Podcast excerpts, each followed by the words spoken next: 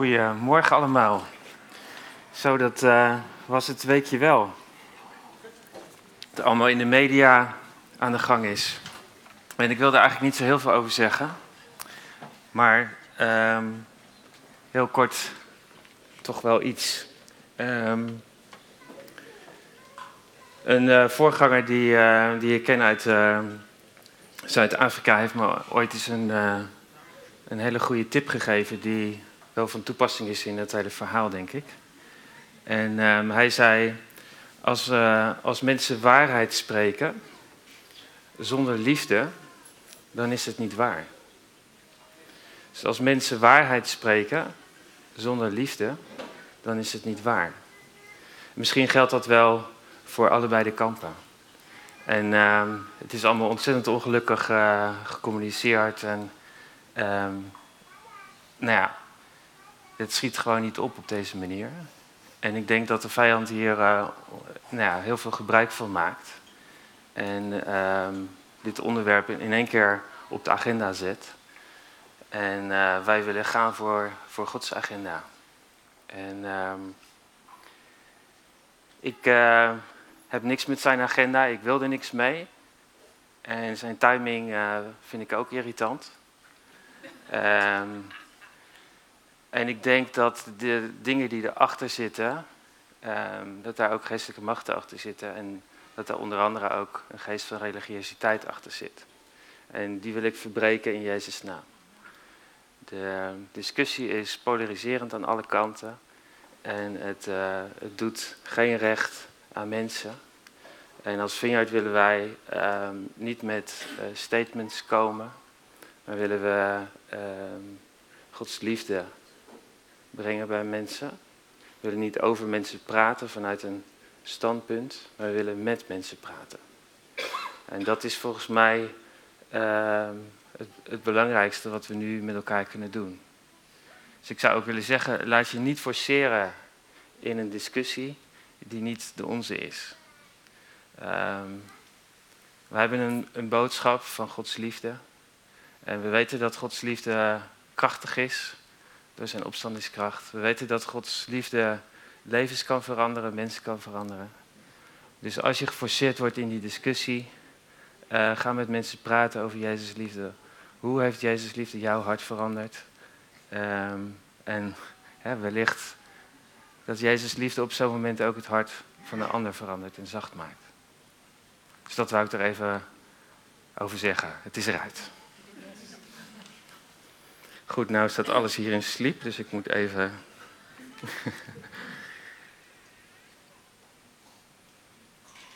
ja. Goed. Dan de dingen die op Gods agenda staan, wat mij betreft. En um, ik wil me vandaag met jullie hebben over de deur van belofte. Um, we zijn natuurlijk bezig uh, met dimensies van discipelschap. Um, dit thema is niet bedoeld om de focus te verleggen, maar ik denk dat dat een soort ondersteunend thema is. Um, zodat als we het evangelie met mensen delen, als we Gods liefde met mensen delen, dat we dat doen vanuit de beloftes die God heeft gegeven op ons leven. Goed, maar eerst even een inleiding. Um, veel van jullie die werken met informatie, denk ik zo. Steek je hand eens op misschien wel meerdere uren per dag dat je achter een computer zit. Hè? Iedereen, hoor ik al. je moet stukken lezen, e-mails, rapporten, verslagen, notulen, noem maar op. En waarschijnlijk ben je ook getraind in je hoofd hè, om uh, snel hoofd- en bijzaken van elkaar te scheiden. Kenwoorden ergens uit te halen.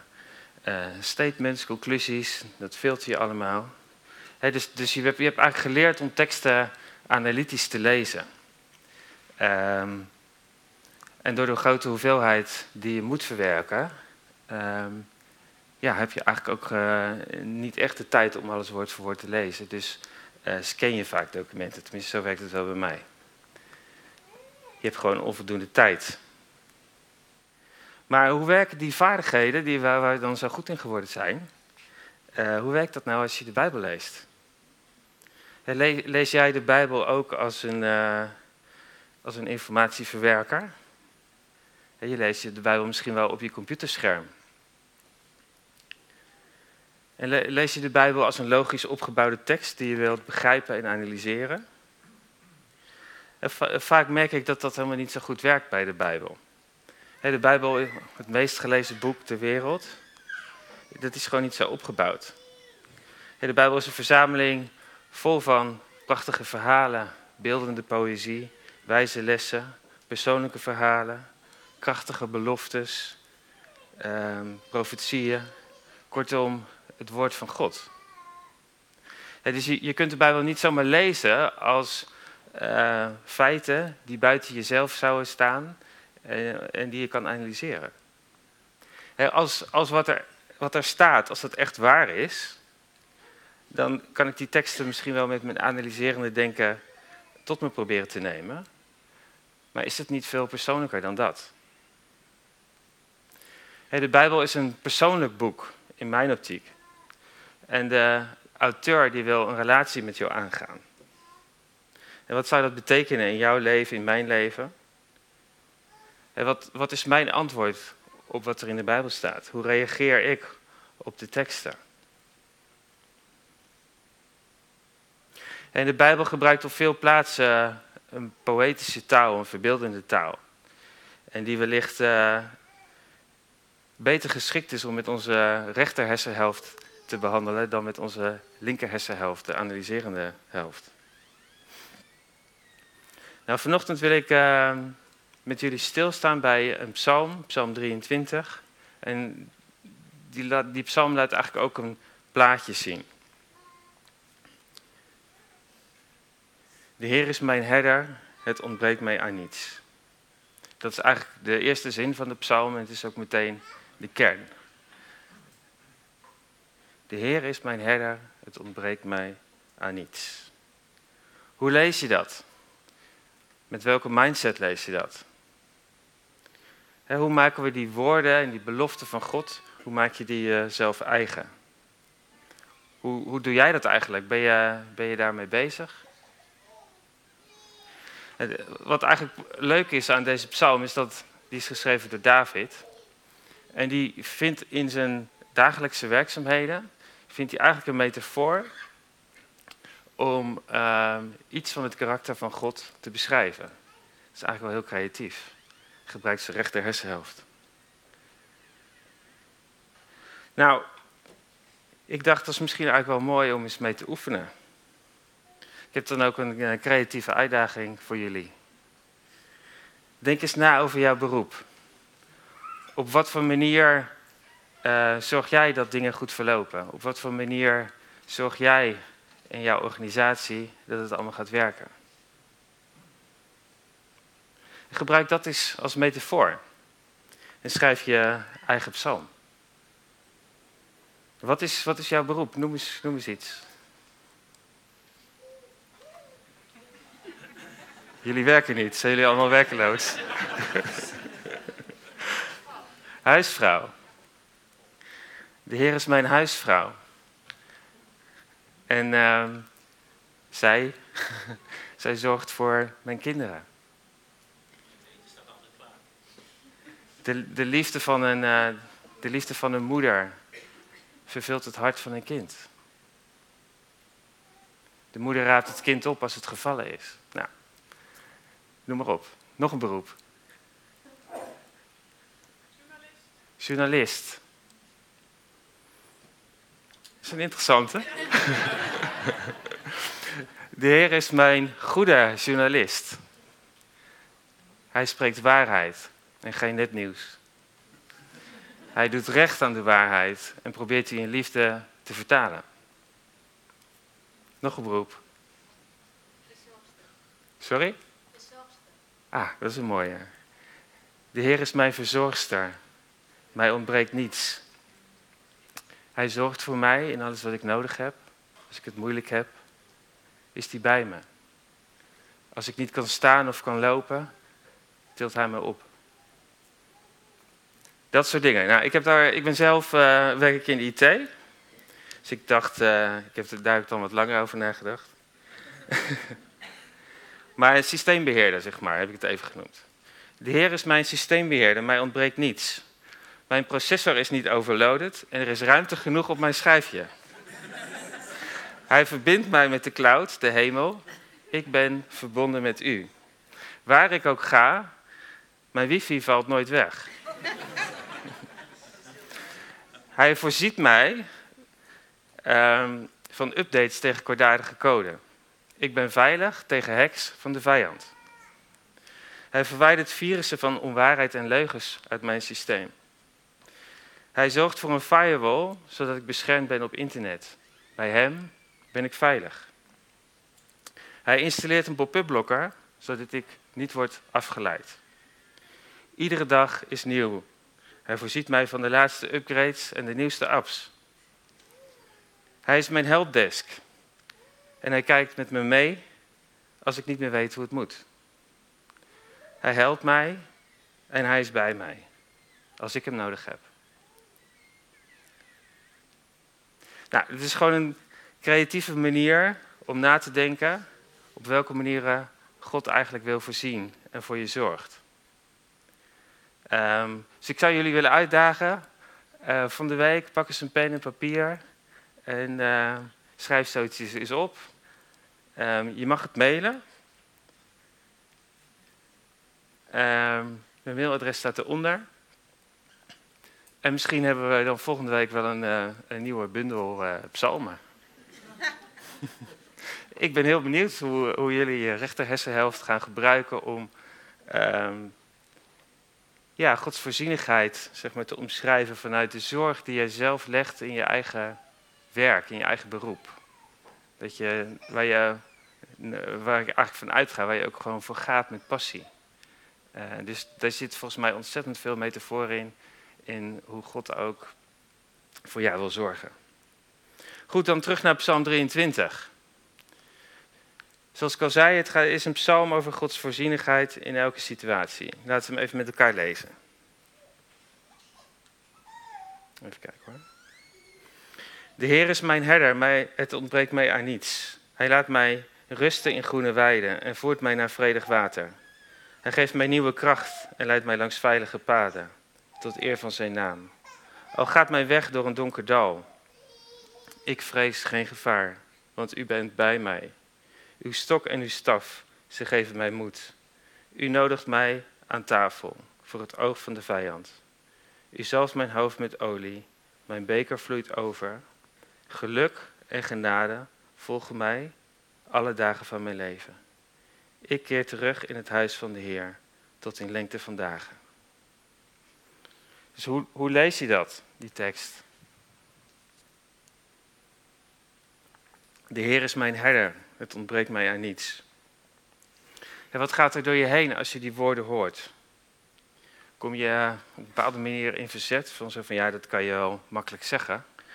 Maar je moest eens weten waar ik allemaal doorheen ga. En dat kan, hè? Misschien ga je door een moeilijke tijd. En heb je het gevoel dat je leven op zijn kop staat. En misschien zijn bepaalde dromen uit elkaar gespat. Verwachtingen niet uitgekomen. Of misschien, uh, ja, je kan het ook voorlezen.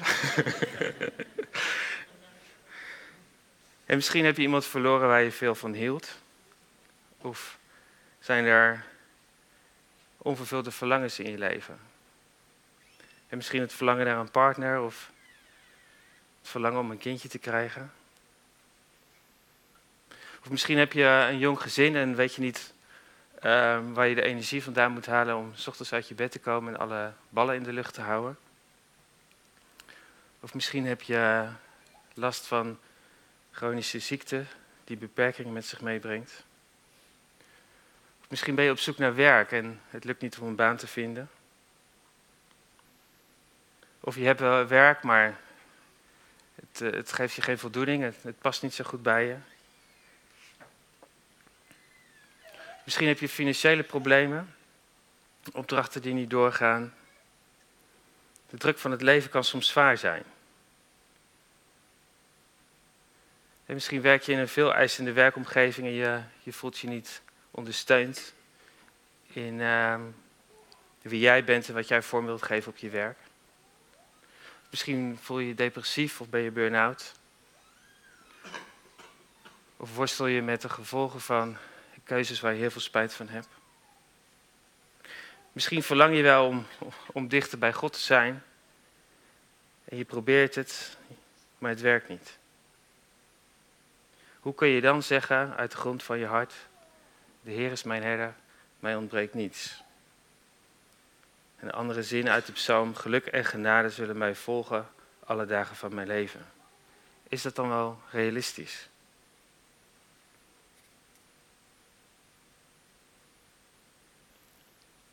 Nou, ik moet zeggen dat ik heel erg onder de indruk was van de vele verhalen en situaties die we onlangs met elkaar gedeeld hebben. Uh, rondom het thema dankbaarheid, de dienst van twee weken geleden. Ik was ook onder de indruk hoe velen van jullie zeg maar, kracht putten uh, uit de belofte van God. Want het ging over dankbaarheid, dus het ging over dingen waar je dankbaar voor was. En er kwamen eigenlijk heel veel moeilijke situaties naar boven. En toch waren mensen dankbaar. Hoe kan dat?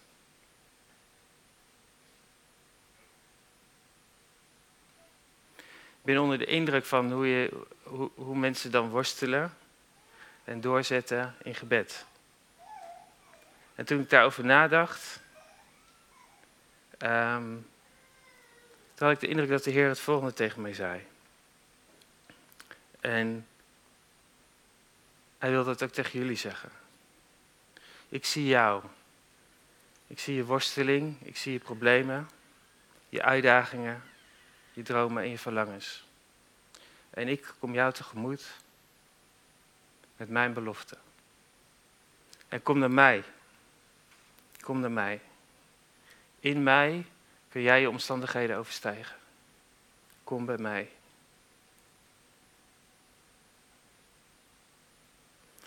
En de beloften van God, die zijn als het ware een deur naar een andere werkelijkheid.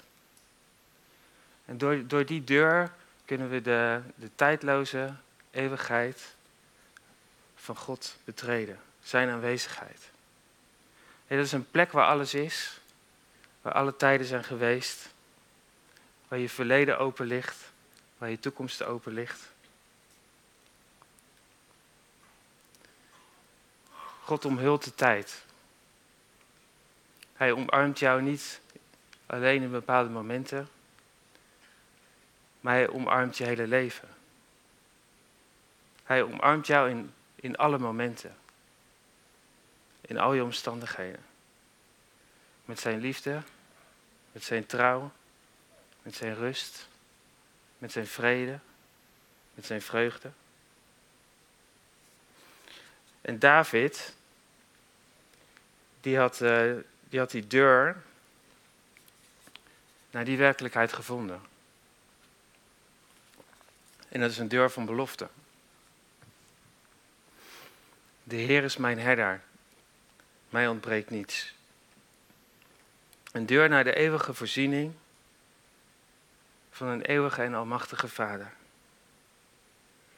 De belofte van God zijn de deuren naar de hemel en deuren van zijn koninkrijk.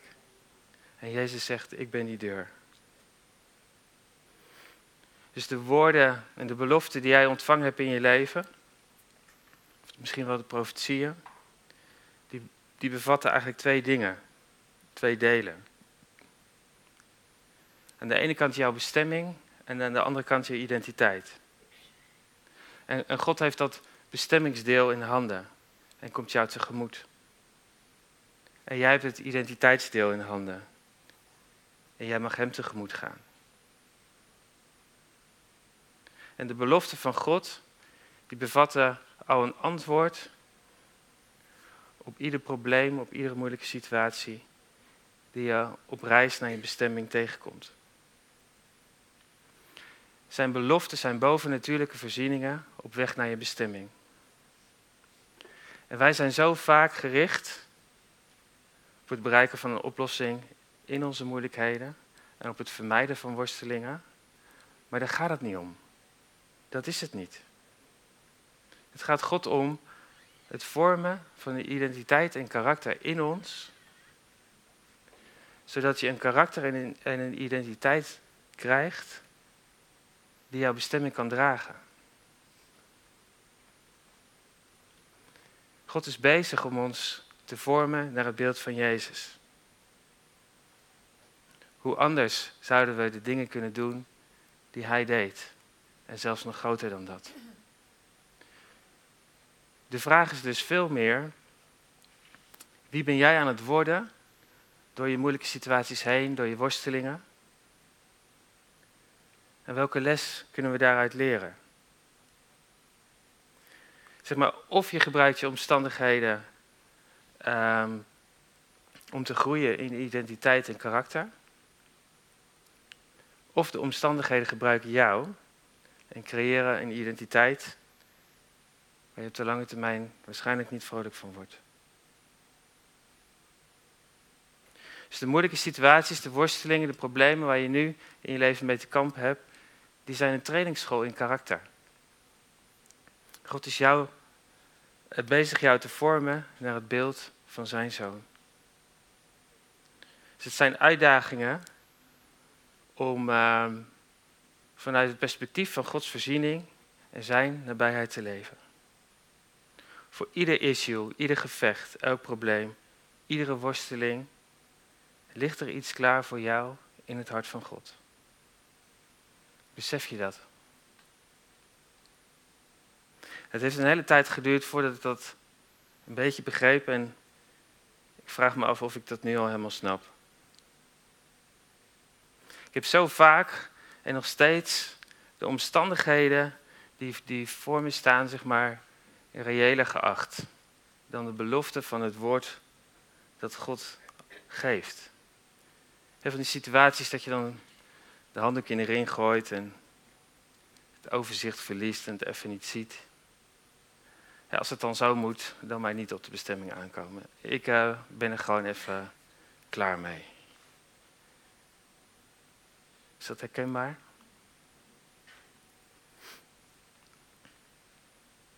in, in mijn beleving zijn dan de omstandigheden een vast gegeven. En de bestemming is dan de variabele. Maar God daagt mij uit, hij daagt jou uit. Om het andersom te bekijken. De omstandigheden zijn de variabelen. En je bestemming staat vast. Zijn belofte staat vast. De Heer is mijn systeembeheerder, mij ontbreekt niets. Dat is uh, Psalm 1, vers 1. Dat is mijn eerste psalm. Dat is een grapje. Even. Hè?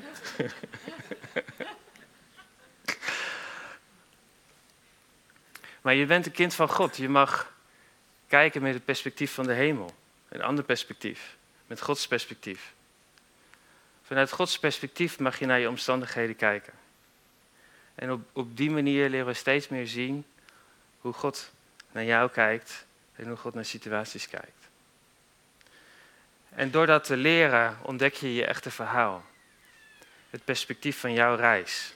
En dat is reëler dan je omstandigheden. Gods woorden en zijn beloften zijn veel reëler dan de omstandigheden. Veel reëler dan al jouw zorgen en al je problemen. Jouw omstandigheden definiëren niet wie jij bent. Gods woorden bepalen wie je bent en wie je mag worden. Dus misschien heb je in het verleden wel uh, woorden ontvangen. En uh, wordt het tijd om die eens af te stoffen.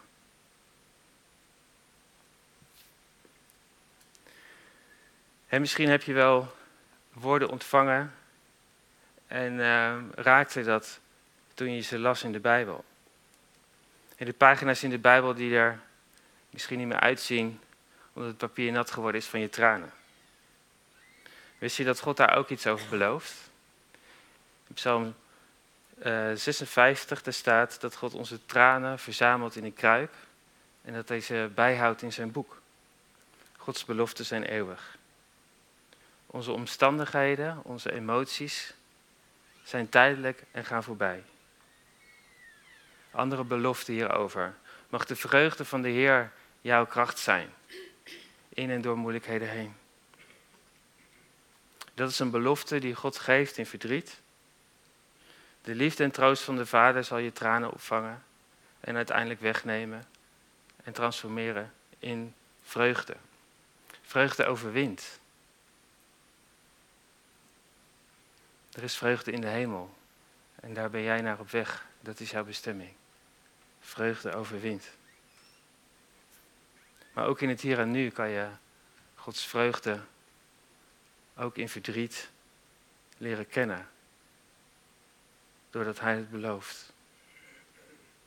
Dus al jouw omstandigheden zijn eigenlijk bedoeld om je iets te leren.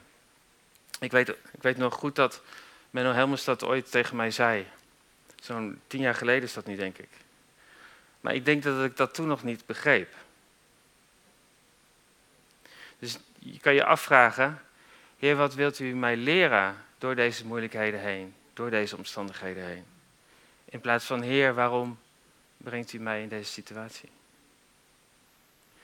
Vraag je af, hoe draagt deze situatie bij aan het karakter wat ik nodig heb om straks mijn bestemming te kunnen dragen?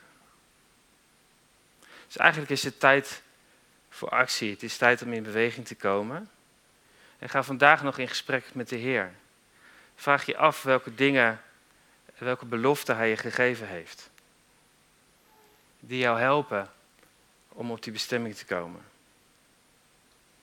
En vraag ook de Heer van, hey, welke dingen zijn er in mijn gedrag, in mijn handelen, in mijn persoon, op dit moment, waar je misschien ook wel mee worstelt, maar die juist je bestemming ondermijnen.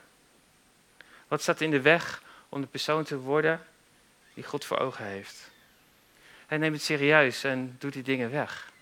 En vraag hulp als dat nodig is. Vraag gebed als je er niet uitkomt. God geeft beloftes. En stel dat hij tot je spreekt. En misschien wel door het verhaal van Gideon. Je hebt dan de, de woorden gehoord, jij dappere held. Zoiets. Je ontvangt ze. Je bent natuurlijk super blij. God ziet jou als een dappere held. Maar wat kun je dan verwachten? God heeft door zijn belofte aan jou iets van zijn bestemming voor jou onthuld. Hij heeft iets onthuld waar jij naartoe mag groeien. Maar hoe word jij een dappere held?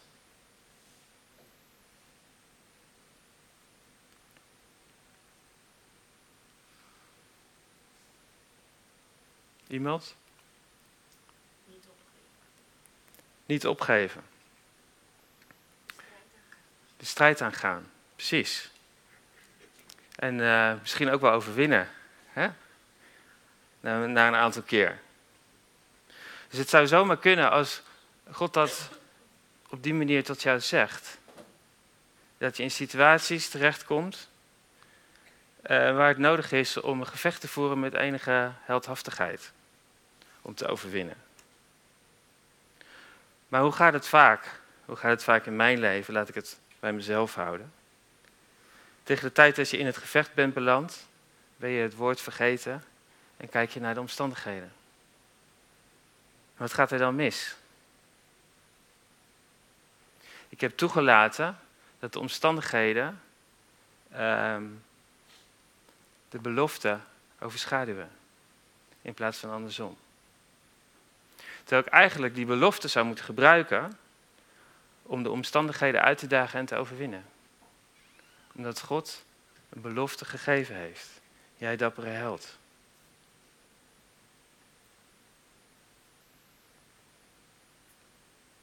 En misschien ben je nu wel in een situatie beland die moeilijk voor je is. Maar God heeft misschien al een woord gesproken, een belofte gegeven. Misschien ben je het zicht op die belofte kwijtgeraakt. En het is belangrijk om, uh, om die belofte dan uh, af te stoffen. Om die beloftes opnieuw op te zoeken, om ze na te lezen, om ze op te eten, in te drinken als het ware. En koop een dagboekje als dat helpt. Schrijf het op, zet het in je smartphone. Bestudeer de Bijbelversen. Wat staat er? Wat zijn de kenwoorden? Wat zegt Jezus tot je? Wat is zijn boodschap voor jou?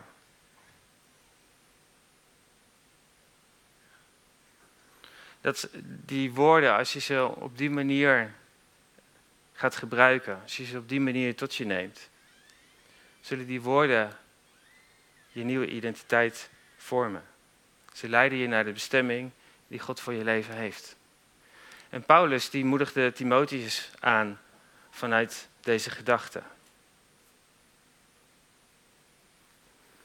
In uh, 1 Timotheus 1 vers 18 en 19 staat het volgende. Ik vertrouw je deze opdracht toe op grond van de profetische woorden die destijds over jou zijn uitgesproken. Laten die je tot steun zijn in de goede strijd, die je toegerust met geloof en een zuiver geweten moet voeren. De belofte die God geeft, um, mogen we leren gebruiken als wapens. Als wapens in een gevecht. Wapens om te overwinnen en om de bestemming die God voor ons heeft te bereiken. dus we mogen leren leven vanuit de belofte van God, vanuit Zijn woorden, in plaats van dat we leven vanuit onze omstandigheden. De belofte van vandaag is dus, de Heer is mijn herder, mij ontbreekt niets.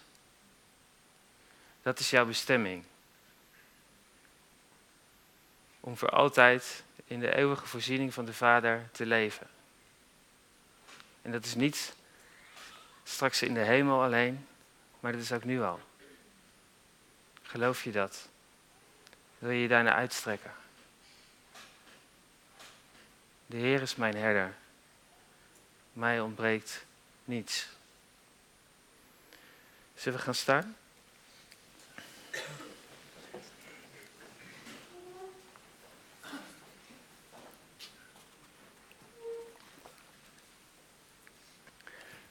Nathalie uh, met je team ook terug wil komen.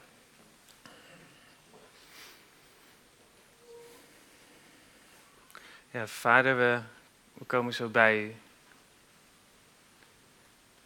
We zijn dankbaar voor wie u bent. En Heer, we, staan voor u in het besef dat u zo ontzettend veel groter bent, Heer. Dan wij denken of beseffen. En Vader, dat u uw liefde en uw voorzienigheid naar ons zo ontzettend veel groter is, Heer, dan dat we door de omstandigheden kunnen zien.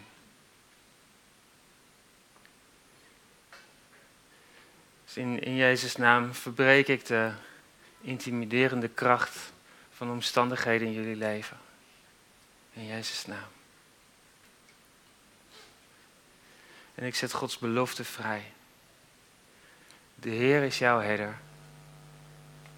Het ontbreekt jou aan niets. De Heer is jouw herder. Het ontbreekt jou aan niets.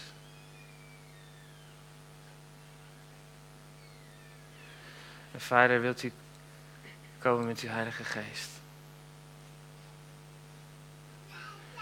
Wilt u waaien over alles wat u gesproken heeft in ons leven? Met uw wind. Heer, alle woorden die u gesproken heeft, die onder het stof zijn verdwenen. Heer, wilt u ze op, opdoen lichten? Heer, laat uw woorden dansen voor onze ogen. Heer, wilt u ons misschien ook in de komende week daar opnieuw aan herinneren. Heer, spreek uw woord tot ons, Heer.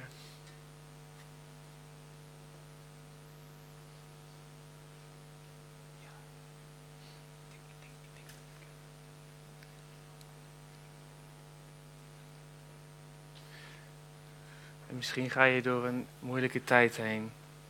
Ik zou, uh, zou eigenlijk iedereen willen vragen om even zijn ogen dicht te doen. Dan kan iedereen die door een moeilijke tijd heen gaat, zijn vinger misschien opsteken, zodat het ook een beetje privé is. Steek je hand op als je door een moeilijke tijd heen gaat.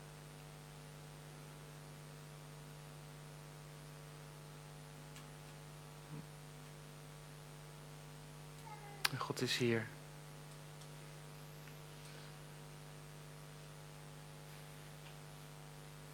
Hij ziet je.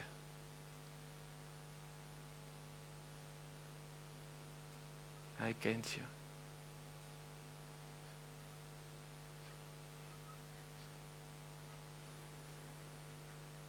En de, de vader zegt, richt je blik op mij. Richt je blik op Jezus.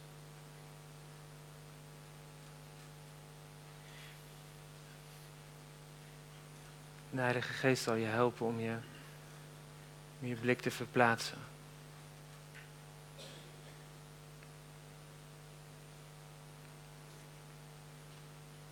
En stel je de, de troon van de Vader voor. Zoals dat in Ezekiel beschreven staat. Er stroomt een rivier onder de troon van de Vader. En in die rivier vallen allemaal bladeren van bomen van genezing.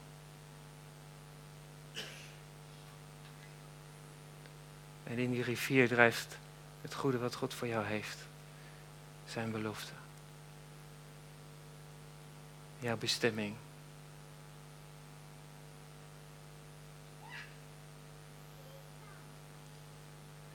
Vader, ik, uh, ik bid voor deze mensen dat, dat u hen zegent met uw kracht, met uw moed, om niet op te geven, om door te zetten, om te vechten en om te overwinnen. Ik zegen hen om de woorden van uw belofte op te pakken als wapens en daarmee de omstandigheden uit te dagen.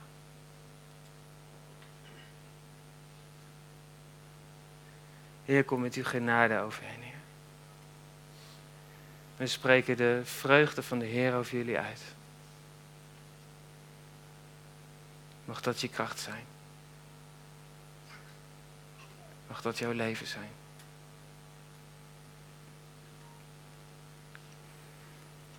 En kom met uw Heilige Geest. Ik heb ook de indruk dat er een aantal mensen zijn die God een nieuwe naam wil geven. Dus stel je hart open als het gaat over jou. En ontvang een nieuwe naam. Schrijf hem op. Berg hem op in je hart.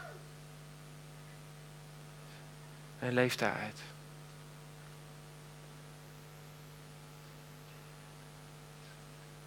Ik zegen jouw nieuwe naam in de naam van Jezus.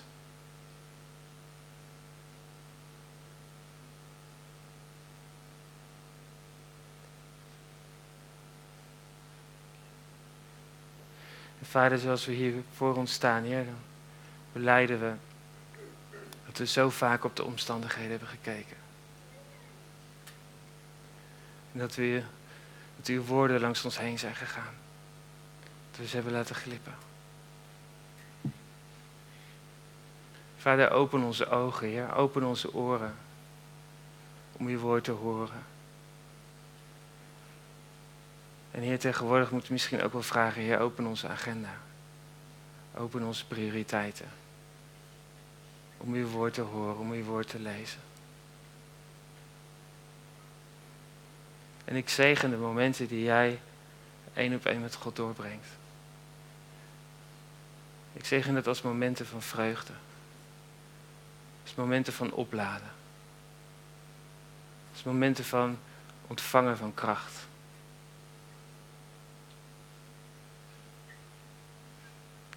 En ik zeg je omstandigheden. Ondanks dat de vijand die uh, intimiderend kan gebruiken om jou onderuit te halen, zal God die omstandigheden gebruiken en transformeren in iets goeds. Hij houdt van je. Hij is voor je. Wie zou er tegen jou zijn?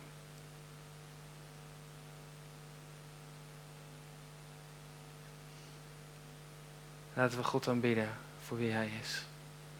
Als er indrukken zijn, kom dan even naar voren, dan kijken we wat we daarmee kunnen doen.